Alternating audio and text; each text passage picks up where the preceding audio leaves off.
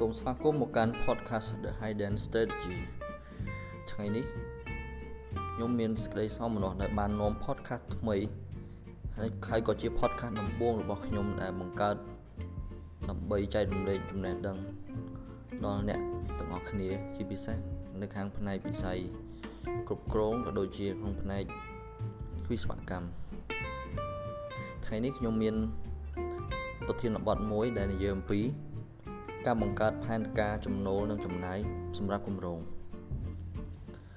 ខ្ញុំមានសេចក្តីរំភើបរីករាយណាស់ដែលបានលើកយកប្រធានបទនេះដែលប្រធានបទនេះវាបានជួយយើងឲ្យដឹងពីទំហំទឹកប្រាក់ដែលយើងមិនត្រូវប្រើសំទោសដែលយើងត្រូវប្រើលើគម្រោងយើង មានន័យថាយើងដឹងពីចំនួន ទឹកប្រាក់ដែលយើងអាចចាយសម្រាប់គម្រោងយើងបានព្រមទាំងការវិភាគការបរិច្ឆេទនៃការចាយដែលយើងអាចមានឱកាសដើម្បីត្រៀមខ្ទង់ចំណាយបន្តមកទៀតជាមួយនឹងការទទួលបានប្រាក់ពីអតិថិជនមានន័យថាយើងនឹងមានគម្រោងដើម្បីស្នើសុំប្រាក់ពីអតិថិជនបន្ទាប់ បន្ទាប់មកចុងក្រោយបង្អស់គឺយើងនឹងបានដឹងពីស្ថានភាពបច្ចុប្បន្ននៃដំណើរការគម្រោងថាយើងអាចកំពុងតែចំណេញឬក៏យើងខាត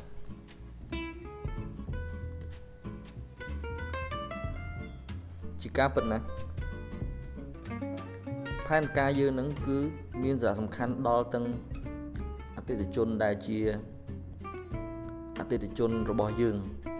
គឺបានជួយជ្រោមជ្រែងដល់អតិថិជនអ តិថិជនលើការបន្ថែមទំហំការងារមានន័យថាយើងអាចដឹងថាការងារហ្នឹងយើងអាចមានឱកាសនឹងអាចធ្វើដោយមិនគិតកម្រៃលើការងារបន្ថែមផ្សេងផ្សេងដោយយើងដឹងពីស្ថានភាពបច្ចុប្បន្ននៃគម្រោងរបស់យើងបន្តមកទៀតយើងអាចដឹងពីស្ថានភាពរបស់យើង ដើម្បីយើងអាចស្នើសុំឬក៏សំណូមពរទៅដល់អតិថិជនលើការទូទាត់ប្រាក់នៅក្នុងកន្លងពេលណាមួយឬក៏ស្នើសុំការទូទាត់ប្រាក់នៅលើកញ្ចប់នៃការងារណាមួយហើយលើសពីនោះទៀតធ្វើឲ្យយើងងាយស្រួលក្នុងការសម្រេចចិត្តនៅពេលដែលយើងដឹងស្ថានភាពរបស់គម្រោងយើងហើយយើងអាចងាយស្រួលក្នុងការសម្រេចចិត្ត ដែលថាយើងអាចបន្តការងារឬក៏ថែមការងារមួយចំនួនដែលយើងអាចជាការលើកទឹកចិត្តដល់អតិថិជនឬក៏ជាការ support ជួយគ្រប់គ្រងដល់អតិថិជនលើការងារដែលគាត់ចង់ឲ្យយើងជួយឬបន្ថែមការងារលើផ្នែកណាមួយ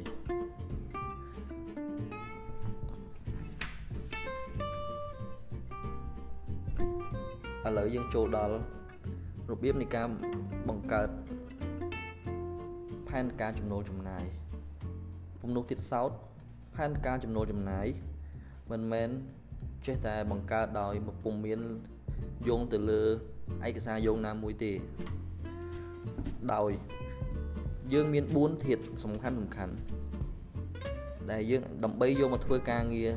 បង្កើតធ្វើជាផែនការចំណូលចំណាយផែនការចំណូលចំណាយជាមួយនឹងការវិភាគ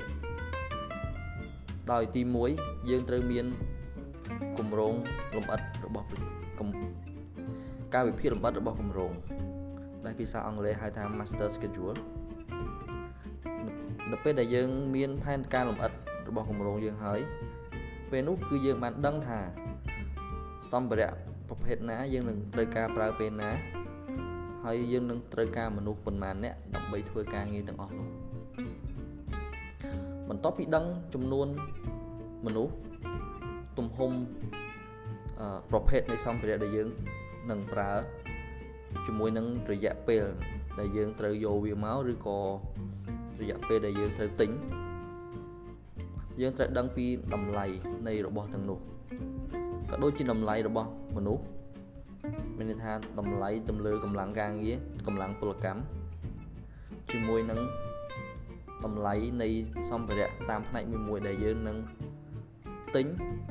ហើយយកទៅផ្គត់ផ្គង់ដល់គម្រោងរបស់យើងបន្ទាប់ពីយើងបានតម្លៃនៃសម្ភារៈនីមួយនីមួយហើយយើងត្រូវដឹងពីថ្ងៃដែលយើងត្រូវទិញជាមួយនឹងថ្ងៃដែលយើងត្រូវ ផ្ទេរលុយដើម្បីទៅផ្ទេរលុយទៅខាងអ្នកលក់ឬក៏អ្នកដែលគ្រប់គ្រងឲ្យយើងដើម្បីយករបស់ហ្នឹងមកសាយមកការដ្ឋានដោយមានអ្នកលក់ខ្លះគឺគាត់ឲ្យយើងជំពាក់បានអ្នកលក់ខ្លះយើងជំពាក់មិនបាននឹងហើយដែលជារបស់ដែលយើងត្រូវដឹងថាពេលណាដែលយើងត្រូវចាយទៅលើអ្វីពេលណាដែលយើង ត្រូវមិនចាយទៅលើអ្វីព្រោះអីការចំណាយរបស់យើងគឺត្រូវមានខ្ទង់មានបែបបត់ដើម្បីអាចយើងអាចគ្រប់គ្រងបានយើងមិនមែនតែចេះចេះតែចាយបាក់ណាបាក់ណីទេអញ្ចឹងសរុបមកវិញគឺឥឡូវយើងមាន3ចំណុចទី1គឺយើងត្រូវដឹងពីការវិភាគនៃគម្រោងនីមួយៗនៃការងារនីមួយៗរបស់គម្រោងហ្នឹងតមកទៀតយើងត្រូវដឹង អំពីចំនួន ដែលយើងត្រូវចាយលើសម្ភារៈទាំងហ្នឹងហើយទី3តកតងជាមួយនឹងថេរវេលានៃការវេលុយទៅលើសម្ភារៈដែលយើងបានរកឃើញឬដែលយើងបានដឹងអំពីការងារហ្នឹងហើយទី4គឺចាំបាច់បំផុតគឺការស្នើសុំប្រាក់លើ ការប្រព្រឹត្តការងាររបស់យើងក្នុងគម្រោងដែលការស្នើសុំហ្នឹងគឺយើងទៅធ្វើការជាមួយនឹងខាងផ្នែកអតិថិជនយើងដើម្បីយកចំនួនប្រាក់មកទូទាត់ហើយធ្វើឲ្យស្ថានភាពគម្រោងយើងស្ថិតនៅក្នុងស្ថានភាពមួយល្អប្រសើរដោយយើងមិនត្រូវមានលទ្ធផលចុងក្រោយនៃប្រចាំចុងនៃការបិទបញ្ជីប្រចាំខែថាយើងជា មានភាពអវិជ្ជមានទៅលើចំនួនទឹកលុយដែលយើងមាននោះទេសរុបមកវិញ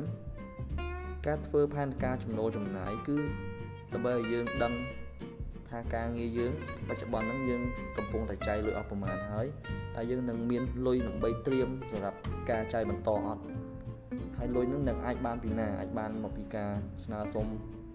ជាដំណាក់កាលទៅអតិថិជនឬក៏ជាលុយដែលយើង ទៅដកពីហោប៉ៅរបស់យើងជាការពិតណារាល់ការធ្វើកម្រងគឺយើងមិនដែលចង់បានដកលុយចេញពីហោប៉ៅយើងទេឬក៏ជាហោប៉ៅក្រុមហ៊ុនទេគឺយើងតែងតែចង់បានលុយបង្វិលពីអតិថិជន ដែលទូទាត់រហូតដល់យើងអាចមានសល់ប្រាក់ឬក៏យើងអាចមានលទ្ធភាពប្រើការប្រាក់ទាំងនោះដើម្បីបើកជាប្រាក់ខែដល់បុគ្គលិកយើងឬការបង្វិលទូទាត់សងទៅលើសម្ភារៈដែលយើង